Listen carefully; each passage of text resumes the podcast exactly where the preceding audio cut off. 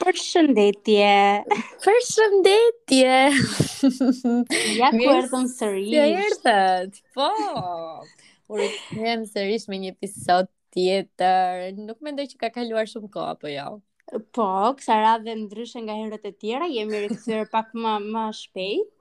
Nuk kemi bërë nga ato nga ato ndalesat nga ato ndalesat ndoshta ndalesat ose këto pauzat e gjata po, që kemi qejf ne pauzat fiks se s'po më vinte fjala okay. po sot jemi në një super mood të dyja bashkë jemi shumë të lumtura Ermi është e lumtur dhe unë jam shumë e lumtur kur Ermi është e lumtur po Ermi po pi verë prandaj kështu që Shpresoj shumë që ta përmbaj veten, do jetë interesante ta dëgjoj, domethënë se çfarë kam broçkullitur me një gotë verë ose me dy gota verë. Kështu që do jetë interesante.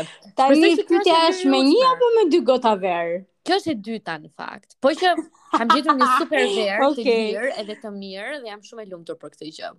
Ok, unë e shof që sot qenka një super podcast, jam shumë e bindur për këtë, pasi... Po e parandjen? Patjetër, dhe ti e di që parandjenjat nuk më gabojnë. Edhe unë kështu mendoj. O, oh, Zot i madh, okay. Kjo ishte një fillim shumë i bukur. Mirë se erdhët miq, edhe uroj shumë që t'i keni shijuar episodet që ne kemi hedhur deri tani. Kemi marrë shumë komente pozitive në fakt, edhe kjo gjë na ka motivuar dhe siç e dëgjoni, jemi rikthyer me një episod tjetër. Edhe sot do flasim për tre pika. Sot do të jetë një nga ato temat të cilat nuk do kemi një mm, e themi po, gjithmonë. Jo, realisht sot nuk do kemi një një një temë fikse, domethënë, një, një po. temë që ne do bazohemi diku. Mm. Sot do jetë një, një, një ditë e lirë, mund të them. Por ka një, ka një zanafillë. Ka një zanafillë. Patjetër. Atëherë, të themi të drejtën, sot na erdhi shumë natyrshëm, sepse e kishim vendosur që do ta bënim një uh, këtë podcast në fundjavë, por nuk e kishim vendosur as për temën, nuk kishim përgatitur me thënë tamam tamam. Mm -hmm. Dhe rastësisht kishim përgatitur detyrat e shtëpisë. po, rastësisht duke folur me Ermin para ndoshta një ore, vendos meqenëse të dyja jemi dhe pushim dhe e, është fundjavë, sigurisht, mm. dhe mm, kishim, ishim duke diskutuar diçka me njëra tjetrën. Edhe thamë, dhe stop, thamë, stop, duhet ta po, vazhdojmë. Dhe ta vazhdojmë. Këtë që po flasim këtu, ta vazhdojmë te podcastet e jona. Pasi ne shpesherë bëjmë biseda të cilat na fusin në shumë mendime. Mhm. Mm mhm. Mm dhe realisht që themi, wow, Ermi është gjithë gjithë kohës që thotë ti je uh, psikologja e jetës time. Psikologji.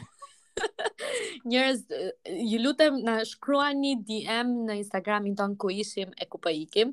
Edhe thojini Alesias që të vazhdojë një shkollë të dytë për psikologji, sepse unë mendoj, nuk e di se sa keni arritur ju që ta kuptoni uh, nëpërmjet episodeve që kemi uploaduar deri tani, po unë mendoj që Alesia është bërë për të studiuar natyrën e njerëzve, paktën që ajo një. Ëm, uh, do të me thënë, ajo futet shumë në mendime. Edhe duke devijuar gjithmonë nga tema dhe nga ajo që ka do të themi, por që ju lutem, kemi nevojë, do me thënë, uh, për opinionin tuaj. A bën Alesia apo jo për psikologe? Unë mendoj që po. po jo, po jo, po jo. do bëjmë një poll atje në, në story edhe ju keni po. mundësi të votoni. Ok, më pëlqen. Do ta mendoj, do ta mendoj mm -hmm. shumë. Do ta mendoj, why not? Uh, why not? Atëherë. Po Ermi. Po, po. sot do flasim në fakt. sot do flasim për rebelimin ose për, nuk e di, për fazat që kemi kaluar në jetë si adoleshente, mm -hmm. si të rritura, të papjekura. Të gjitha do jenë Të gjitha do jenë nga eksperiencat tona personale, do me thënë ne do bazohemi sot vetëm tek vetja jonë, do marrim shembuj mm -hmm. nga jeta jonë, se si e kemi kaluar çdo fazë të, të, të rritjes, mm -hmm. uh, që nga vegjëlia, adoleshenca e të gjitha me radhë, dhe tani tek pjesa e maturimit ndoshta. Po. A jemi a jemi të maturuar apo jo kjo? Akoma pritet për të parë. Por që okay. le të shpresojmë që po. Po, unë mendoj që e dyshoj, në fakt. Po do ta shohim, do ta shohim. Okej, do ta shikojmë sa. Do ta shohim më vonë. Që si do shkojë situata. Ah, ok. Po, le ta nisim pra që nga fëmijëria. Nuk e di, mhm. si ke qenë ti si fëmijë, Alesia. Unë për vete, ta filloj unë apo ta fillosh ti? Jo, filloje ti, më mirë. Ok. Filloje ti. Unë kam qenë, ehm, kam qenë një fëmijë që është rritur si, eh, nuk e di, mbesa e parë mm -hmm. edhe kam qenë e përkëdhelur paksa, paksa po, paksa jo, për aq sa kanë qenë mundësitë, por kam patur vëmendjen e të gjithë um, familjarëve si të thuash, unë jam rritur vetëm nga nëna ime edhe nga dajat dhe nga tezet edhe nga gjyshja. Po, nuk mendoj që kam qenë në fakt një fëmijë i përkëdhelur edhe pse kam pasur vëmendjen e të gjithëve. Kam qenë shumë uh, uh, më pëlqente shumë domethënë që nuk e di. Um, të qëndroja me të rritur sepse isha dhe ve, edhe e vetmja, kështu që nuk është se në fakt kisha uh, uh, kushërinj më të vegjël ose kushërinj të të njëjtës moshë, Kam qenë edhe një person ose një fëmijë që ë uh, nuk është se ka bërë shumë prapësira, të them të drejtën. Domethënë, unë mendoj që kam qenë shumë fëmijë i mbarë. Mhm. Mm um, por çfarë kup, kuptojmë ne me me të mbarë, domethënë, nuk mbaj mend të kem çarë ndonjërit kokë. Domethënë mbaj mend që ok, okay. normalisht që zënkat me, me mamin ose ia kemi kthyer uh, llafin ose kemi thënë gënjeshtra të vogla, të bardha ose ndoshta dhe jo të bardha jo, më shumë kanë qenë të bardha por kam qenë një fëmijë shumë i mbarë edhe kam qenë edhe, nuk e di, gjithmonë mirë me nota në shkollë domethënë nuk, nuk kanë pasur shqetësime nga kjo pjesë tek unë Okej. Okay. Uh, po nuk e di, domethënë çfarë mund të tregosh tjetër për fëmijërinë në fakt, uh, se unë nuk e di që kur i ke ti kujtimet, po mua më fillojnë shumë vonë. jo, edhe unë çuditërisht mendoj që nuk mbaj mend shumë nga fëmijëria ime.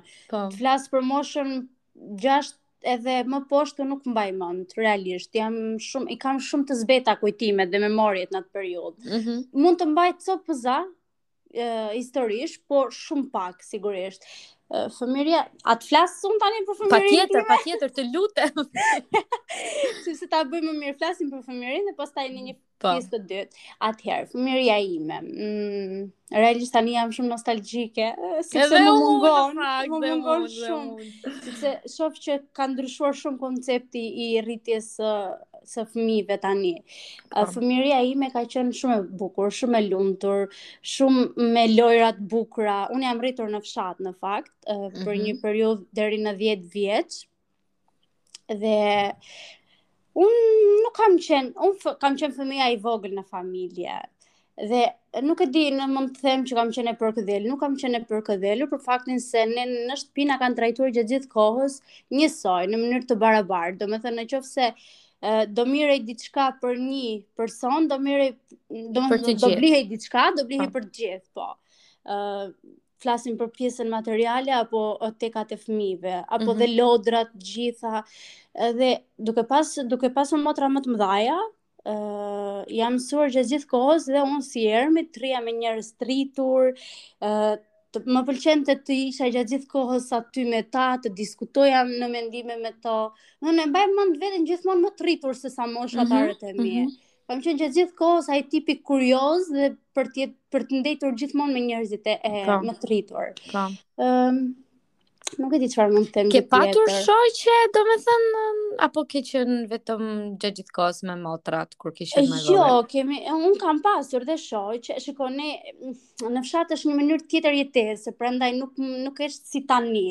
Tani është pak më ndryshe, ndërsa ne kemi qenë të bashkuar të gjithë. Ne ishim atje shumë njerëz, shumë fëmijë, që rrinim bashkë gjithë kohës, luanim bashkë, Kështu që një shoqe të ngushtë nuk mund të them mm -hmm. në atë periudhën e moshës nga 5 deri në 10 ndoshta në atë uh, grup mosh, por që um, nuk kam pas, kam pas më tepër kushërinj, Okej, okay, domethënë e kundërta ime, un kam qenë gjithë kohës me me me shoqet, edhe ë uh, nuk e di, a e ke dëgjuar ndonjëherë konceptin kota biskota? Në fakt, nëse do kishe patur shumë shoqe, do doja të të pyesja, a ke qenë ose e ke ndjerë veten ndonjëherë si kota biskota tek lojrat që ke patur ose që ke bërë si fëmijë? E di si koncept?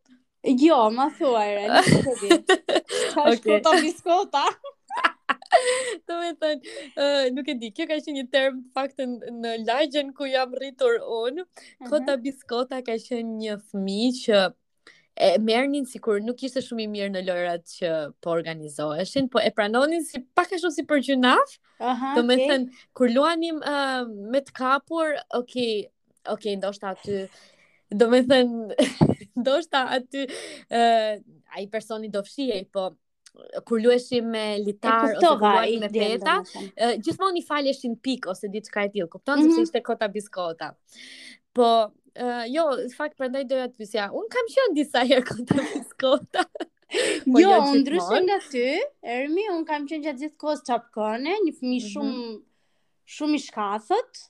Ja, isha gjatë gjithë kohës uh, ose vritesha, ose bija, ose merrja një gjë e thyeja, ose unë kam bërë shumë prapësi me pak fjalë, mm -hmm. kam qenë e vogël. Mm -hmm. Unë kam mhm. qenë gjatë gjithë kohës me me çuna, rrija me çuna shumë.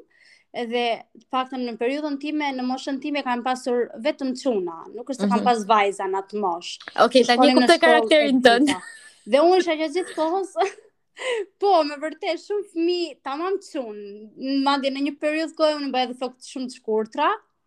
Mhm. Mm Nuk i kam patur kurrë, kurrë nuk i kam patur flokët e shkurtra. Shkurtra që m'i priste parukieri i lagjes. Por realisht nuk e di, nuk e harroj kurrë atë periudhë, sepse mm -hmm. e, ka qenë periudhë, mendoj që ka qenë periudha më e bukur dhe më më më e vlefshme e gjithë jetës mm -hmm. realisht. Pavarësisht se çdo periudhë nga njëra në tjetrën ndryshon, uh, prioritetet ndryshojnë, njerëzit mhm. ndryshojnë. Por gjithsesi fëmijëria po. unë mendoj që është më më e pafajshmja, më Absolutisht, edhe pjesa ku nuk ke më më asnjë lloj stresi. Domethënë po. përveç faktit që, ok, kur do luajmë, Mm -hmm. Ku do mhm. luajmë edhe si si do si do mblidhemi të gjithë. Kjo ka qenë vendosur. Edhe një gjë tjetër që mbaj unë mend nga fëmijëria ime se tani më erdhi në mend. Mhm. Mm unë nuk e di për ty Ermi, po unë jam tipi mbaj, tip ai personi që mban ditare. Nuk e di oh, se oh, si okay. ka funksionuar me ty. Por që jo, unë edhe sot e posedoj një ditar. Mm -hmm. Pavarësisht se nuk shkruaj siç shkruaja më mhm. përpara, mm -hmm. sepse më përpara koncepti i ditarit ishte që unë të shkruaja çdo ditë çfarë bëja, sikur i po, po. interesonte njeriu se çfarë bëja unë çdo ditë, ndërkohë që ishin të njëjtat gjëra. Mirë, atë nuk e di ti, atë nuk e di sepse nëse do ta kishe lexuar sot, mbase do kishe dalur në konkluzione të ndryshme. Jo, realisht e kam lexuar, e kam akoma, edhe, sepse unë i ruaj ditaret. Po ke patur ke shkruar të njëjtat gjëra domethënë të njëjtat gjëra kanë qenë sepse ka qenë rutina ime e ke parasysh do zgjohesha në mëngjes do shkoja në shkollë do vija do luaja e ke parasysh të njëjtat gjëra por i tregoja me aq detaje nuk e di mm -hmm. seriously oh, my, mm -hmm. oh my god nuk e di nuk e di të ditë është edhe me veten nuk e di unë e kam filluar ditarin disa herë sepse kisha gjithë shoqet e mia praktikisht kishin një ditar edhe mua më intrigonte ky fakti që duhet ta kesh dhe ti, por e mbaj mend që e kam pas filluar një herë, e kam shkruajtur nja dy fleta, po kurrë domethënë nuk e kam vazhduar më si pjesë e rutinës time si fëmijë. Mm -hmm. Por kisha shoqet e mia që nuk e di me të vërtetë edhe sekretet e familjes që i shkruanin aty. Por, e, ja, unë kam qenë një ndër to, unë kam, unë thashë, unë kam shumë ditare dhe ndonjëherë mm -hmm. kur të vijmë kur të vish ti në Shqipëri, mm -hmm. do t'i jap të lexosh, po sidomos ato të periudhës që kam qenë në periudhën e adoleshencës ndoshta në moshën klasë të 7 të 8 ku fillon rritesh, kupton ca gjëra, të pëlqej, të pëlqejnë ca gjëra. Uh -huh. Aty fillojnë interesante. pikërisht, pikërisht mendoj që shumë persona. Realisht unë jam gjithë kohës që shkruaja ditare, mbaja me pikë dhe me presje çdo gjë. Dhe nuk e di se çfarë uh, dua të futem një herë në këtë mendimin se çfarë ë uh, po Jo, këtë do të pyes, far... këtë do të të pyes, mm -hmm. më, më falj, domethënë ti me të vërtetë e mendoje që ai ditar, ose konsideroje vërtet si shokun tënd kur shkruaje aty, sepse kjo po. më ka interesuar gjithmonë. Realisht po, shumë, Mhm. Shumë mm -hmm. zakonisht, sepse unë kam dashur gjithmonë që të shpre... Unë jam një njeri ti e di shumë mirë se si jam unë, edhe ti je po. e tillë. Unë jam një njeri që unë shprehem, nuk mund ta mbaj asnjë lloj gjëje dhe asnjë ndodhi të jetës time. Mm -hmm. Qoftë e mirë, qoftë e keqe, unë nuk e mbaj dot vetë. Domethënë, më duken shumë njerëz të çuditshëm, Edhe po, mua. Pa dashur të ofendoj, sigurisht sepse ajo është pjesë e karakterit. Absolutisht. Por që njerëzit që nuk shprehin ndjesitë që kalojnë në jetën e ti, tyre, mua më duken shumë të çuditshëm. Unë për vete gjithmonë jam munduar që jo jam munduar, po unë nuk mundem, unë në qoftë mm, se do mbaja mm. diçka. Mm me veten time, një gëzim shumë të madh apo dhe një hidhërim shumë të madh, unë nuk do mundesha dot. Nuk nuk e nuk e di, nuk e konsideroj dot si gjë. Dhe e, në ato momente ndoshta nuk e gjeja të përshtatshme për t'ju për t'ju shprehur motrave ndoshta, po. sepse thashë nuk kam pas një shoqe shumë të ngushtë ose që mund t'i besoja dikujt. Më vonë kanë ndodhur këto afrimet me shoqërisë, po. po. Sepse thashë kam ndejt gjithmonë me çuna, ëh, Mhm. Dhe mm, nuk e di, nuk mund t'i besoja motrave siç thashë ose nuk mund t'i tregoja ndoshta ato gjërat e adoleshencës, të fëmirisë, më saktë, ato kanë qenë të fëmirisë. Mhm. Dhe ditarin e shifja me vërtet si diçka shumë të shenjtë, ku doja patjetër të shprehja ato mendimet e mia, e ke parasysh? E si quhej ditari yt apo thjesht i dashur ditar? Jo, nuk e kam pasur një emër. I dashur ditar ka qenë. I dashur ditar. I dashur ditar. Shumë e thjeshtë. Nuk e çudit. Se, ndërkohë që unë në fakt kam qenë komplet e kundërta sepse unë kam patur shumë shoqe, shumë shoqe, edhe kam patur shoqe edhe të ngushta, më kupton? Edhe gjithmonë. Ti gjithmonë qesh kur përmend fjalën ose epitetin e ngushtë. por gjithmonë kam patur dikë kujt t'i shprehem, mendoj, edhe kishim këto sekretet tona edhe o zot i madh.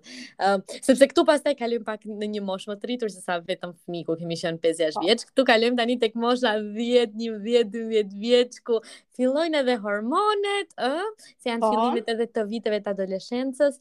edhe kisha shoqe të ngushta normalisht që diskutonim për çunat, për o zot i madh kur i mendoj tani çfarë stresi kemi pasur dikur, si të kalonim nga njëra klasë te klasa tjetër, si të shkonim tek ajo klasë, domethënë të kërkonim një fletore për t'i rënë në sy një djali, këto kanë qenë um, por gjithmonë eksakt, domethënë gjithmonë kam patur dikë me të cilën t'i bëja këto gjëra, edhe kurrë s'e kam ndier uh, atë nevojën për t'i shkruajtur, por unë jam edhe një person që uh, duhet shumë punë që unë t'i përkushtohem diçkaje gjatë gjithë kohës. Do me thënë, duhet të jetë diçka shumë interesante ose edhe të jetë paksa e forcuar që unë ta mbaj si, si ritëm dhe si natyrë që okay. të shkruaj përditë, se mendoj kjo është edhe ky është dhe qëllimi ditar, nuk është uh, ok, mund edhe ta përdorësh një herë në muaj, ë, varet uh, mënyra se si ti do të shkruash ditar apo blog, por mendoj që atëherë të paktën ka qenë atillë që duhet shkruaj çdo ditë, duhet të shprehje veten, edhe Ishte mendoj... thjesht një koncept që ne pa. Po. ashtu e dinim, më kupton një ditar mm. që duhet ta mbaje përditë, për të gjitha ndodhitë që ti të ndodh. Që të po, ndodhin. A ta ka lexuar ndonjë njeri edhe a ke patur diçka që ti do me thënë, uh, hmm, mund ta konsideroje që nëse do ta lexonte dikush, e sekret, e exact.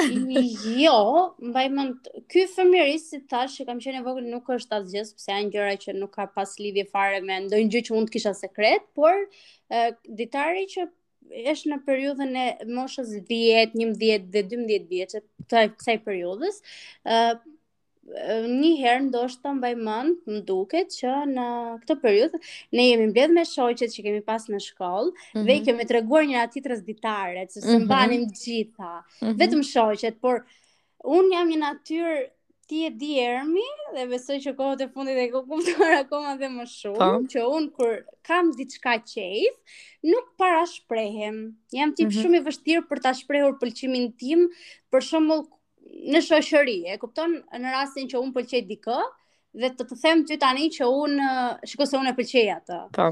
Jam, domethënë, vetëm kur ndodh natyrshëm, por kur ka një kohë që unë hulumtoj diçka në trurin tim, se unë jam shumë rob i çuditshëm, mund ta konfirmoj. Nuk para e tregoj, nuk e di pse e kam këtë gjë, se di pse. Po mirë, nuk e di pse. Dhe atëherë kshu kam qënë, domethënë. Nuk po, duhet ta gjykosh. Po, është pjesë e karakterit tim që nuk e di a do ta rregulloj. Se ndoshta na hyn në punë. Me siguri. Jam duke për shaka. Atëherë, dhe atëherë të njëjtën gjë, un për shembull kisha pëlqime kundrejt çunave që mm -hmm. një djalë që kam pas në klasë, që e pëlqeja mm -hmm. zakonisht shumë. O, Zot i madh. E ke pas pëlqim. Shumë mirë. Unë mendoj që këto kanë qenë pëlqimet më të bukura, pëlqimet më të shkurt. sa shumë e kisha qejf dhe më dukej sikur çdo gjë që ai bënte e bënte kundrejt meje. Edhe ishte bad boy me shumë siguri. Si? Ishte bad boy, na ngeli ose po, në Po, po, sigurisht. Rrinte gjithmonë në bankën e fundit. Aha. Nga ato që bënin zhurmë, unë jam. Aha. Po, shenjat që kanë filluar që në fëmijëri dhe janë të zgjatur me kalimin e kohës dhe nuk kanë ndaluar aty. Po, patjetër, edhe e mbaj mend që nuk ia tregoja, domethënë, asnjërit. E kupton, po, dhe në këtë ditar, kur e kanë lexuar shoqet e mia, aty e kanë marrë vesh që unë e pëlqeja atë. Oh, edhe aty filluan thashethemet po, besoj. Po, pastaj jo, filluan që të më ngacmonin, po unë çfarë mm -hmm, shumë, mm -hmm. unë gjatë gjithë unë kam qenë një tip shumë i turpshëm, po, shumë i turpshëm. Ndërkohë që tani jam bërë komplet një njeri tjetër. Normalisht mm -hmm. jam vazhdoj akoma se uh, unë nuk mund ta ndryshoj sigurisht, po atëherë isha shumë e ndjeshme. Në qoftë se mua më flisje për një djalë ose uh, me siguri të skuqeshin faqet njëherë. Unë skuqesha, o zot i madh bëhe, unë edhe sot skuqem sigurisht se po. unë kam unë jam një, një njeri shumë i ndjeshëm që e kam pas gjithmonë jetën time siklet i jetës time ka qenë mm -hmm. fakti që unë e tregoja emocionet e mia të dilnin në sipërfaqe. Mhm, mm same. Oh, same, shit. same. E urrej, e urrej. Jo, ti nuk je ashtu. Aha, nuk e di a m'ke vënë re mirë, por edhe unë jam ndoshta, okay. Ndoshta jo kaq sa ty, mund ta them. Jo, nuk unë jam shumë, Ermi, ti mund ta menaxhosh situatën, mm -hmm. nuk këtë mund të them, do nuk po okay, them që nuk. Ndoshta. Ti, okay, mund të kesh atë ndjesinë që uh, sikletosesh, por mund ta menaxhosh ndërsa unë jam keq fare. po jo, je përmirësuar dhe ti, je përmirësuar dhe ti. Po nuk kam ça të bëj. Edhe po më thoja për djalin. Po, dhe që thashë atëherë kanë marrë vesh vajzat që unë pëlqeja atë djalin dhe filloi këto ngacmimet tërë mes shoqeve.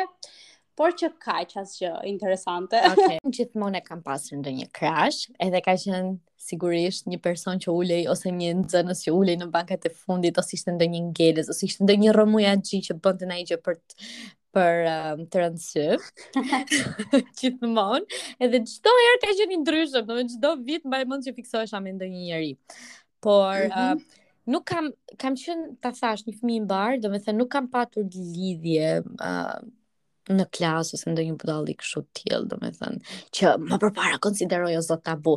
Por di që kishte njerëz që më konsideronin të lëvizur në këtë aspekt, nuk e di pse, sepse bija mm -hmm. në sy si si si vajzë bija në sy edhe nuk e di po gjithmonë um... më pëlqeu kjo. të pëlqeu kjo.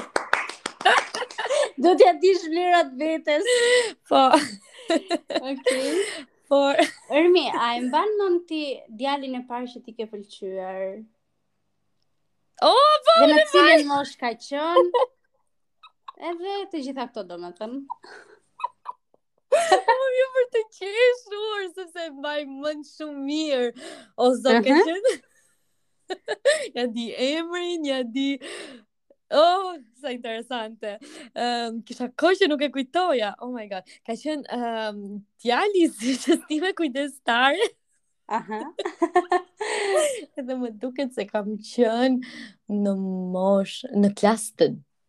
dy tre diçka e tillë. Ai ishte një djalë shumë i pashëm, edhe zyshën e kam pas në lagje, edhe edhe atë sigurisht që në lagje, edhe binte shumë në sy, ishte tre tre katër, nëse mbaj mend, jo më duket ka qenë më i madh, nja pesë vite më i madh se unë.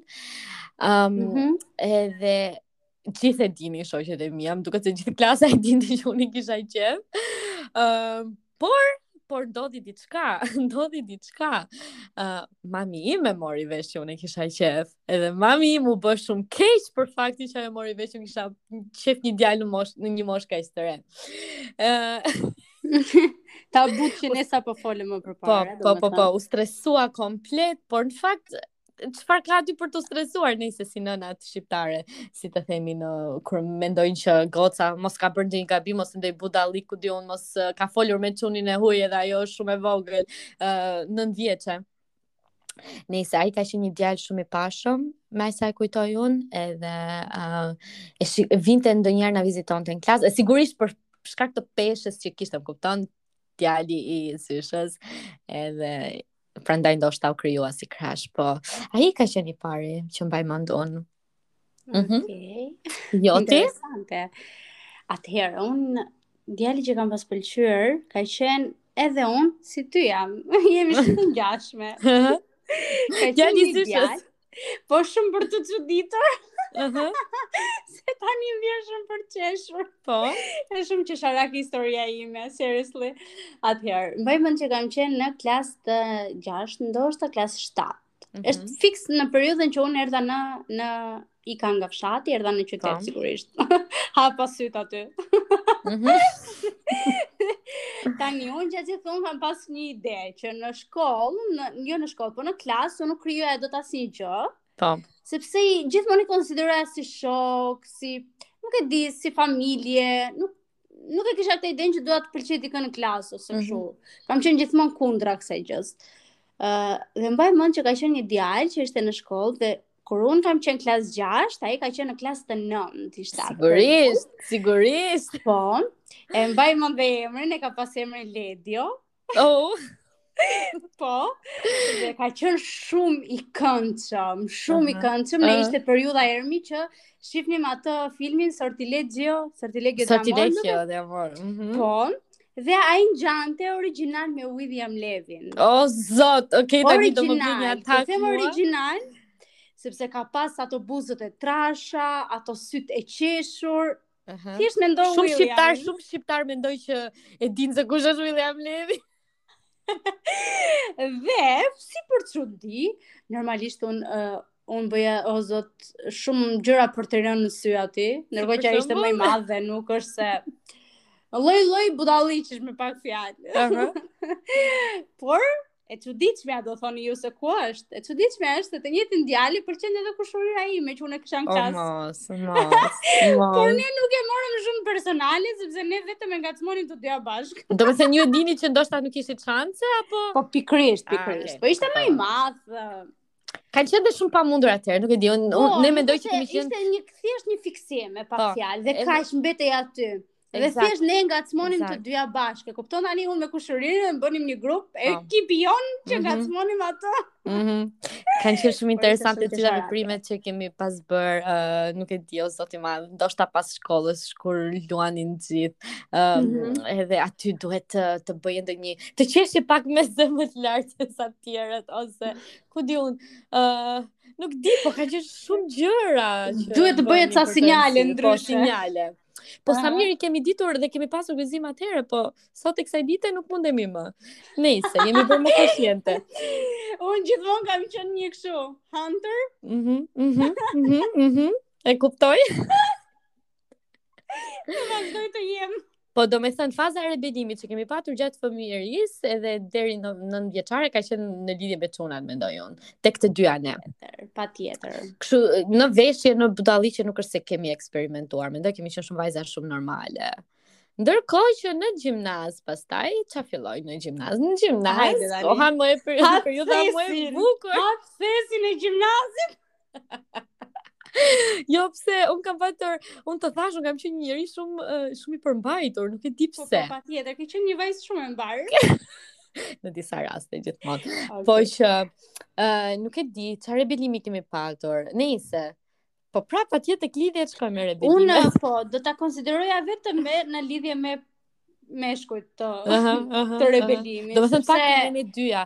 Unë e di kam po. patur dhe unë shoqe që kanë ndryshuar, nuk e di komplet stilin e tyre, kanë um, kanë kanë gjetur veten e tyre sigurisht, nuk e di janë bërë emo për shembull. Kjo ka filluar në fakt nga klasa 7-8 që të bëheshin ato emot uh, metalarët, po. qe një drejtim tjetër që mori um, uh, shoqëria ime të paktën, edhe um, ose nuk e di çfarë rebelimi tjetër, po të lyesh flokët nuk ka qenë normale atëherë, më kupton? Mm -hmm. Nuk ishin të shumtë ato persona që e bënin ose të paktën vajzat që ua lejonin uh, prindërit që ta bënin. uh, nuk e di se si ka qenë në lidhje me ty e di unë. po për shembull mua nuk më lejonte mami që të lyja flokët edhe un kam qenë një tip që kurrë si nuk ja si nuk ja si nuk ja ktheva llafin për një herë për ato kohë gjithmonë domethënë edhe pse merakosesha ose jo merakosesha po nevrikosesha me veten edhe doja ta bëja diçka um, prap nuk e kam bërë qoftë se ajo nuk e aprovonte Edhe për ty për shembull ti ke qenë ajo vajza që i ka lyer flokët gjatë po. periudhës uh, nëntëvjeçares më duket apo jo? Unë i kam lyer po në nëntëvjeçare. Në nëntëvjeçare unë kam lyer vetëm baluken, mm -hmm. mbaj mend. Ba Ishte periudha që lyhej balukja, e ke parasysh. Po. dhe vetëm atë kam tentuar. Pastaj në gjimnaz, kur kam ardhur në Tiranë, që kam lyer, më duket i kam lyer gjithë flokët. Mhm. Mm -hmm. Mm -hmm. Në periudhën e gjimnazit që fillova t'i lyja t'i bëja bjonde, që atëherë fillove dhe shoqëria jo, filloi shoqëria jon. E vërtet. Ë, uh, kjo domethënë, mendoj ndërkohë që rebelime në lidhje me me lyerjen e flokëve, me veshjet, për shembull, me të dalurat, me të dalurat jashtë, po, kupton? Po, atëherë, për sa i përket veshjeve, ne un vazhdoj, un kam stilin tim, un vazhdoj njësoj të vishem, normalisht pak më ndryshe tani, sepse nuk mund të jem kurse si më rehat siç kam qenë atëherë, mm -hmm. për shembull ndoshta pantallonat i visha i visha shumë të shkurtra, tani nuk është se s'i vesh të shkurtra, i vesh sigurisht, por që mundohem të zgjedh vendin se ku do t'i vesh. Po mirë, mendoj që kjo ndoshta ka qenë më shumë sepse kemi qenë më të vogla edhe po, na lejoi pak më shumë. Po, sepse është dhe mosha, janë shumë faktorë që ndikojnë tani. Por, ëm, um, kur ka qenë parti jot i parë? Parti im i parë, me sa un kujtoj, ka qenë në periudhën e gjimnazit. Okej, okay, domethënë ti ke qenë fresh. no, jo, jo, jo, se lapsus. Ka qenë në periudhën e 9 vjeçares. Aha. Me ekskursionet me klasën sigurisht. Jo, ka qenë thjesht në qytetin që un bëja shkollën, mm -hmm. ne mhm. bëm më duket në 7 mars, festa e mësuesve. Mm -hmm. Ne shkuam pasi na shkuam te shkolla edhe këto adetet që bëhen nëpër shkolla. Një grup shoqësh dhe shokësh shkuam në një parti. Normalisht parti atëre ishte koncepti nga ora 12 e drekës deri në po. orën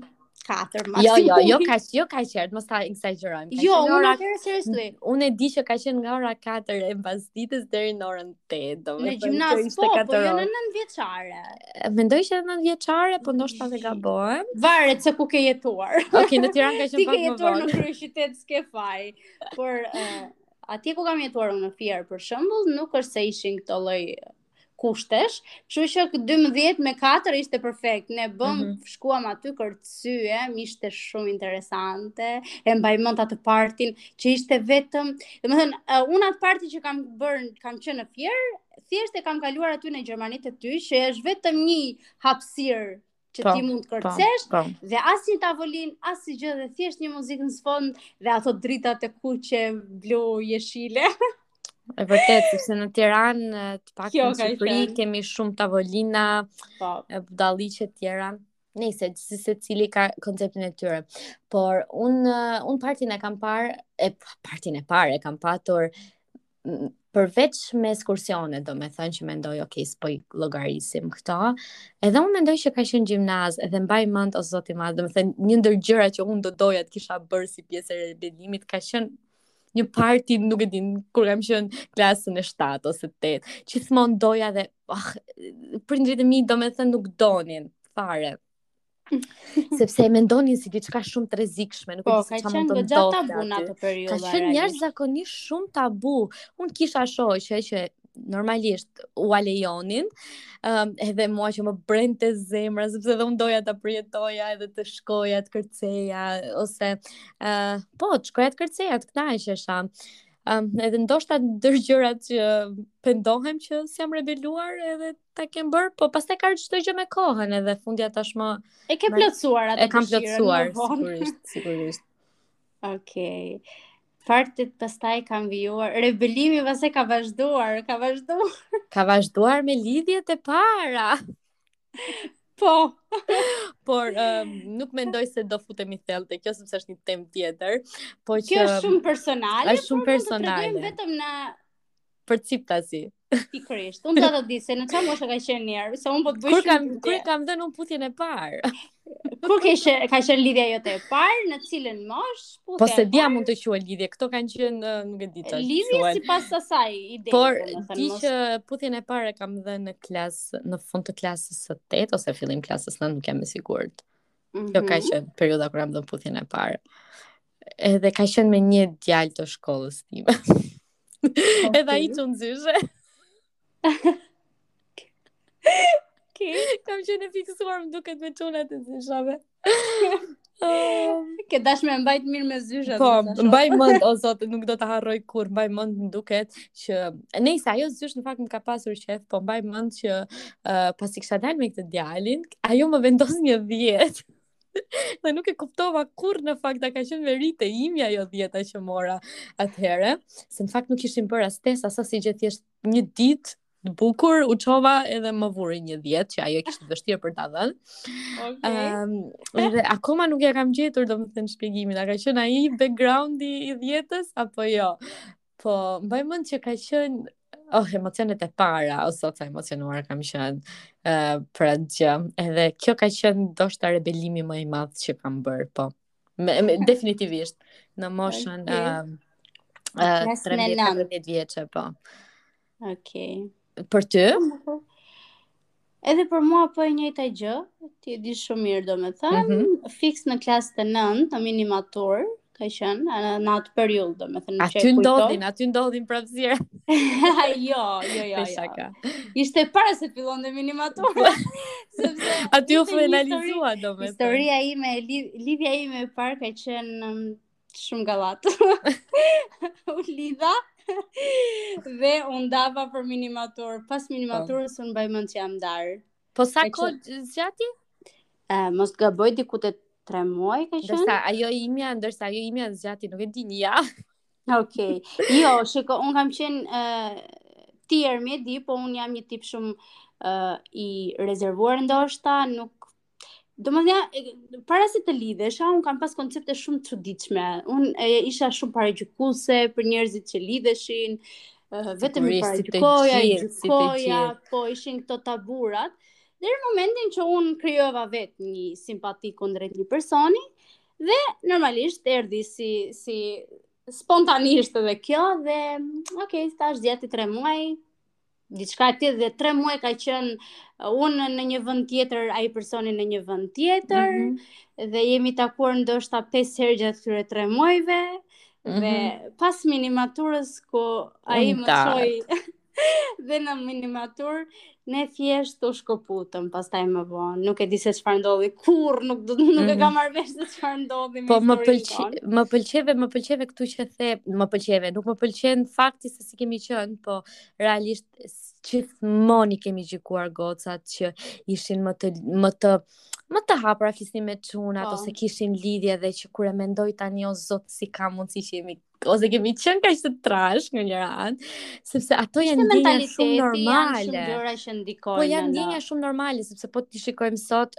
këto ndjenja fillojnë akoma në një moshë akoma dhe më të re, ndërkohë që ne këto gjëra kemi bërë ku di unë kemi filluar në moshën 14-15 vjeçare, ok, sido që të jetë ndoshta ka qenë një moshë shumë e shumë e re për atë kohë, po. por uh, fakti që gjykonim gocat ose se na gjykonim ose që kishim frikë, domethënë, kjo mendoj vërtet që ka qenë pjesë e, e fakt, ato që e kanë bërë, domethënë që kanë patur një lidhje gjatë asaj moshe, le të themi që kanë qenë rebelde. Po, po, gjithsesi unë prapë ti e di shumë mirë se ne ndonjëherë kur e diskutojmë, unë them që në qoftë se do, do ta ktheja kohën brapa, do kisha zgjedhë mos të isha lidhë në atë periudhë. Mm -hmm. Pavarësisht se asgjë s'e ndryshon dot, sepse nuk bëhet me plan asnjë lloj gjëje, por mendoj që personi në një moshë 15, 16, 17 vjeç, nuk është kurrsesi i pjekur për të marrë përgjegjësi. Se lidhja është përgjegjësi, unë kështu e mendoj dhe kështu mm -hmm. e mhm. gjykoj, pavarësisht se në atë periudhë ka qenë komplet tjetër. ë uh, Por mbaj mend që ne dhe në atë periudhë unë e kam pasur uh, shumë seriozisht. Po sikur mendoja... të mendonim të gjithë ne si ty, bota do ishte një vend akoma dhe më i bukur dhe jo, nuk mbaj do mend kishte shumë çuditshëm, shumë çuditshëm ne diskutonim për një të ardhme. Kupton të jesh 15 vjeç, 14 sa kemi qenë, dhe të diskutosh për një të ardhme është Oh, është e vërtetë, është e vërtetë. Është domethënë, atë moshë, e tepër për një moshë, a ti je fëmijë vetë dhe e ke parasysh. Por kjo vjen si si pasojë e shumë gjërave, i edukimit, i, i prinderve që nuk të informojnë, nuk të tregojnë se E ke parasysh që ndodhin mm -hmm. këto gabimet në thonjëza, mm -hmm. se nuk janë gabime kurrsesi, se thashë nuk janë gjëra që ndodhin, janë ndjenja, feeling dhe shyqyr që ndodhin, mm -hmm. sepse mhm. normalisht shyqyr që ka dashuri. Por, këto gabimet e vogla, në qoftë se do të kemi më shumë informim nga prindrit, unë mendoj që ca njerëz mund t'i shmangin. Sepse janë ca gjëra që ti thjesht vetëm unë mendoj, unë mbaj po. mend që unë e kam vuajtur shumë atë periudhë. Realisht, ti e di shumë mirë se sa shumë e kam vuajtur unë atë periudhë dhe ishte shumë e tepërt për një vajzë 15 apo 16 vjeçe që kam qenë unë. Po nuk mendoj se do kishte qenë dhe e shmangshme edhe nëse do të kishin jo, paralajmëruar prindrit. Por... por mendoj që absolutisht mendoj që prindrit duhet të jenë më mendje hapur edhe mm -hmm. kanë ndryshuar kohërat absolutisht, por në atë kohë jo, nuk kanë qenë fare mendjehapur. Jo, nuk mendoj se kanë ndryshuar kaq shumë. Uh, Unë mendoj që ka akoma dhe vazhdon të jetë akoma ka, kjo. Ka po janë më të rralla seç kanë qenë dikur, ëh, se nëse dikur kanë qenë 90% e popullsisë që shkonte në të njëjtin drejtim tani, ok, ndoshta janë 60, që mendojnë pak më ndryshe dhe janë më mirë se sa dikur. Okay, po normalisht po pra... një pjesë e konsiderueshme vazhdon të ketë të njëjtat mendime dhe të njëjtat parime. Që fundja um, nuk e di gjithsecili i i bën ashtu siç di vetë, ne nuk jemi këtu për të thënë është gabim apo është mirë apo është keq apo apo absolutisht asgjë tjetër. Thjesht edhe unë jam me idenë që nëse e ndalon fëmijën për diçka, ai do ta bëjë thjesht nga inercia dhe nga fakti që do ta provojë. Ëm um, diçka të re dhe diçka që është e ndaluar. Dhe nëse i jep në fakt mundësinë që t'i thuash, "Ok, provoje, shikoje njëherë se si është." Edhe mëso nga gabimi, nëse do dalë gabim. Atëherë mendoj që nuk do të jesh vetëm gabime. Uh, t'i japësh vetëm pak krah që ai të të shprehet, e kupton, pa. Po. sepse është shumë e nevojshme, se dhe në një situatë shumë të vështirë që mund të kalojë fëmija në atë periudhë, sido qoftë, sado e vështirë të jetë, uh, ti do ta ndihmosh, domethënë, ti do t'i japësh një mendim, dhe ai do ndihet më mirë, do ta kalojë më me qetësi, pavarësisht se unë kam pas motrat, sigurisht se unë kam qenë shumë e lidhur me motrat dhe i tregoja çdo lloj gjëje, por që mendoj që është shumë e tepërt për një fëmijë 15 mm -hmm. vjeçë që të përjetojë, gjithsesi se këto janë sekuenca të jetës, kështu që të rritin, të mësojnë, nuk. Ne po flasim nga ana e gocave dhe rebelimit, po çfarë mund të quhet për çunat? pjesë e rebelimit. Mendoj që cigarja apo jo. Cigarja, domethënë dhe jo vetëm për çunat, fakt, po edhe për vajzat, po mendoj që për ato do të ishte... Ne nuk kemi ishte... qenë këto tipe, në fakt. As, jo, fare. Jo, këtë doja të përmendja, domethënë që pë, cigare ose hashash, unë kisha shoqet e mia që i, i provuan, domethënë, në moshë të re, relativisht të re, edhe ishin të interesuara që Domethënë, unë s'kam qenë kurrë e interesuar që As unë, bëj, ta bëja diçka të tillë, uh, mendoj. Uh, nuk më ka interesuar kurrë të provoj cigaren, ose... Po, diçka tjetër, pjesë e rebelimit. Tek lënia e orëve të mësimit, gjë që as nuk e kam bërë, më duket se një herë në fund të gjimnazit e kam bërë, o zot më dukej si, ndoshta ngaqë kam qenë edhe me nota të mira, nuk e di kam qenë, Kam qenë, uh, si të them, një mbështetje e zyshave për ku di unë si model klase, nuk e di fare se tashi ka ndryshuar shumë kohë, nuk jam më ajo. Nuk, nuk, po nuk jam më ajo, më besoni, nuk jam fare më ajo. Por dikur ka qenë kështu edhe nuk i lija dot orët moj, nuk i lija dot orët e mësimit. Ndërkohë që shoqet e mia e bënin edhe më dukeshe si, në fakt, unë kam qenë një tip i hedhur dhe i kam bërë të gjitha gjërat që kam dash, po ka pasur ca rregulla që i konsideroja sikur, jo, nuk duhet të shkoj përtej, po. Kështë nga unë, apo jo? Unë kam qenë një person që nuk kam qenë shumë addicted e fiksuar tek shkolla, domethënë në pjesën, unë isha një nxënëse mesatare, e kam dashur shkollën, ose kam dashur disa lëndë, kam qenë tipi që lexoja, mësoja, ulesha, por që mund të bëja dhe pa të, si me thënë. Mm -hmm. Dhe deri në vit të dytë në gjimnaz, më duket nuk është se kam qenë që të lia orët, se sigurisht ishte fillimi. Ja? Në vit të tretë, pastaj nuk kam qasur klasë. Nuk kam gojë të flasë. Realisht. Do e dole direkt ishte, nga, ajo ora nga binarët. Ishte gjithmonë e papranueshme për ne. Mm. Te kafja, te shkolla. Mm. Ishte, na shijonte më shumë muhabeti atje se sa orën e 7, seriously. Mm -hmm. Por që, unë mendoj që kanë qenë aventurat ose rebelimi, që po quajmë ne sot, mm -hmm. më i bukur, seriously. Oh. Sepse mendoj që nuk, ka një emocion, të jep një adrenalinë të lësh orë. Mm, e kam provuar dhe unë, edhe mund të mbështes si teori. Nuk e mbështes ta bëni, mos e bëni këtë që ne kemi bërë. Jo, jo, unë mendoj që jo, absolutisht që duhet ta bëjmë, pse jo, se edhe ne e kemi shijuar. Sepse çdo gjë është është një gjë që duhet përjetuar. Realisht të shijonte dhe thashë kishte një adrenalinë të papar kur linim orët. Dhe herën tjetër ishte se si do t'i përgjigjeshim zyshës mm -hmm. kujdestare. Sepse mm -hmm. ne mhm. kemi pasur edhe një fakt që ë uh, për shembull bënim plan ta linim të gjithë, e kupton? Mm -hmm. Dhe e linte gjithë klasa, e kupton? Por ka pasur. Domethënë nuk është se ke qenë vetëm me grupin tënd të shoqeve që e di. Po pra, jo, në disa raste kanë qenë gjithë klasa, varet se çfarë lënde ishte në orë të 7 dhe mm -hmm. e, disa raste të tjera kanë qenë që kemi qenë vetëm ne të katërta ose mund të gjenim lloj lloj arsyesh dhe shkonim sepse ne thamë që unë thashë kam qenë me një grup që ishin më të mirat e klasës, domethënë nga ato gocat që lexonin përpiqeshin uleshin e të gjitha dhe shkonim te zyshat, zyshat na kishin me qejf sigurisht dhe i thoshim që do shkojmë të bëjmë një projekt për shembull për ah. të kohë.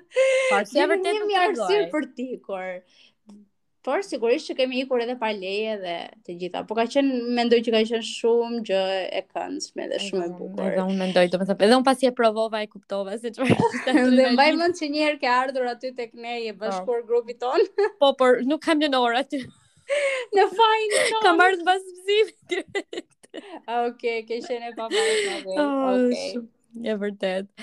Nuk e di çfarë mund të themi më tek kjo pjesa, po rebelimet pastaj si kanë shkuar, nuk mendoj që kemi patur shumë rebelime. Jo, ne kemi pasur një një stabilitet mendoj unë, mm -hmm. domethënë. Ne kemi shijuar jetën aq sa kishim mundësin dhe pa cenuar veten. Sigurisht mm -hmm. e mhm. unë të dyja ne kemi pasur si parim mendoj unë që deri në një moment që nuk e cenonim veten, Realisht ishim në rregull, pastaj stoponim. Edhe mendoj që duhet të jetë për të gjithë apo jo. Do po, njeriu duhet... duhet të ketë një balancë përgjithësisht. Nuk jam kundra asgjëje në jetë, në momentin që ty të kënaq ajo gjëja, por në momentin që ti ndihesh e detyruar për ta bërë, cënon vete, nuk ndihesh mirë, absolutisht nuk duhet ta bësh. Është më e keqe. Domethënë, un mbështes çdo njeri që do të dalë nga vetja, do të eksperimentojë sepse ai mendon që duhet ta bëjë, jo sepse nuk e di. Ok, normalisht që është influenca e të tjerëve, por nëse të detyrojnë të tjerët ose je në një atë grup shoqëror ku në fakt ti nuk do fare, nuk është se po influencohesh se shikon diçka të bukur edhe do ta bësh tek vetja, po thjesht të influencojnë ato ta bësh, uh, atëherë mendoj që vërtet kjo është pjesë uh, ja, nuk nuk shkon më tek rebelimi, është uh, një një influencë edhe një ndikim i tmerrshëm. Mm -hmm. Por për aq kohë sa uh, do të eksperimentosh, do ta shijosh, do të bësh diçka për për par aspekte të ndryshme të jetës tënde ose të vetes tënde, pse jo? Unë, ne e thamë, kemi përmendur në shumë episode edhe më përpara, kemi thënë që mënyra më e mirë për të mësuar gabimet është kur në fakt edhe i bën gabimet, ë, sepse mm -hmm. fundja nëse ti e bën sepse ke dëshirë, do të thotë që të ka pëlqyer në atë moment, edhe sido që shkoi puna më vonë, ka patur një një një orë ose nuk e di, ndoshta edhe një sekond ku ti ke e ke menduar për diçka të mirë, apo jo. Unë gjithmonë mendoj dhe kam një shprehje që e them, është fakti që një diçka që e do bëje, sepse mm -hmm. në një kohë tjetër do thosh pse nuk e bëra. Nuk thot asnjeri pse e bëra. Domethënë gjithmonë të ngel në mendje fakti që ti nuk e bën diçka që e do. Kështu që deri në momentin që ti siç e tha dhe Ermi, do ta bësh diçka, bëje patjetër. Bëje dhe shife deri ku arrin kjo gjëja. Në momentin që ti shkon në atë pikë që nuk mundesh më ta vazhdosh, atëherë është mirë ta stoposh. Për shembull, mund të kemi qenë në raste që siç thamë janë konsumuar lëndë narkotike apo lloj lloj gjëra të ndryshme dhe unë nuk e kam ndier kurrsesi nuk jam influencuar nga shoqëria nga asgjë në momentin që unë s'kam dashur ta bëj një gjë nuk kam dashur dhe pikë domethënë unë kisha ca parime të mia që pa. Po. nuk shkonin. Këto vin të... pastaj, këto vin edhe nga mënyra se si rritemi, ja, po, dhe çfarë. Po, dhe nuk është se më kanë, sepse për shembull dëgjoja raste që shoqëria të prish dhe kjo ka më është dukur shprehja më shumë. Gjithmonë edhe unë e kam urryer, edhe unë e urrej. Sepse unë mendoj që njeriu, një njeri që është me karakter të fortë, nuk mendoj që ndikohet nga shoqëria dhe kurrsesi nuk duhet të ndikohet. Absolutisht, absolutisht. Sepse as unë nga ty as ti nga unë, ne mund të influencojmë në në mendime, në gjëra, po kurrsesi në në veprime, domethënë. Sepse puna është që në fakt me ato persona që ti e shikon që nuk janë mirë për ty dhe ti je në atë uh, periudhë ose në atë moshë ku arrin ta dallosh se çfarë është e mira, çfarë është e keqja, nuk do të bashkojë jeta ose dita kaq shumë me ta. Domethënë do arrish ti t'i kuptosh se, ok, këtë person e dua vetëm për nuk e di po dal për kafe, edhe çfarë influence do marrësh ti nga ai person. Nëse ti do marrësh influencë nga ai, do të thotë që ti dëshiron të jesh si ai. Edhe pa kalon një edhe kalon një një kohë shumë të gjatë me të, që do të thotë fundja je dhe ti ashtu si ai. Nuk është vetëm një gjë që ti bën sepse ti ke dëshirë. Nuk mendoj kurrsesi që ose janë njerëz që janë me karakter shumë të dobët dhe ndikohen shumë nga shoqëria, por me sa kam kaluar në në historinë e jetës time, nuk më ka ndodhur kurrsesi që të jem influencuar qoftë dhe për gjën më më të thjeshtë, domethënë, jo më për gjërat më të vështira që nuk e di. Vërtet. Por jo, që gjithmonë kam bërë gjërat që kam dashur vetë, edhe Ermi dhe unë, domethënë kemi qenë tipe që nuk kemi nuk kemi t'u, doja të dilja, domethënë që edhe un um, se përmenda pjesën e shkollës dhe që isha një nxënëse e mirë, domethënë un kam patur shoqërinë time dhe goca që linin orën dhe goca që gjatë gjithë kohës them linin orën. Kam patur mm -hmm. shoqëri goca që pinin cigaren edhe pse um, Po, edhe pse nuk duhej ta pinin ndoshta ose kanë bërë dhe gjëra të tjera, ëm um, por prapë se prap un kam ngelur un, domethënë un kam parë, ndoshta un kam mësuar nga këto gjëra të them të drejtën. Edhe kam jam munduar edhe t'i kuptoj sepse ëm um, sepse i kanë bërë ca gjëra se gjithmonë është një arsye sepse mm -hmm. dikush bën një veprim.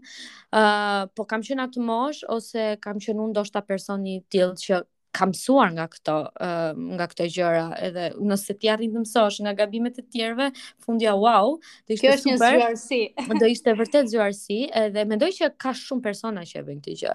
Uh, edhe prandaj është mirë të jesh në kontakt me njerëz të ndryshëm, se fundja po qe gjithmonë me, po qe gjithmonë me me me, me një në një rrymë të njëjtë njerëzish, Mm -hmm. Atëherë është në rrethin tënd të ngushtë, mund të po, them unë. Po, është mirë, okay, normalisht që është mirë të jesh gjatë gjithë kohës me ato persona që ti do dhe ti kuptohesh, po të shikosh anën tjetër të historisë se fundja, nëse do ndodhe që ti pastaj më vonë në jetë do do kesh kontakte me persona që janë komplet ndryshëm nga ty, goca uh, çuna, atëherë do jetë më keq të përballohesh në nuk di, moshën. nuk do të dish se si do të veprosh. Nuk do të dish si të veprosh, po. po. Shumë e drejtë është. Dhe unë kështu kam qenë, që në fëmijëri, domethënë që në shkollë kam pasur shoqe që ndoshta nuk kanë qenë fare tipi im.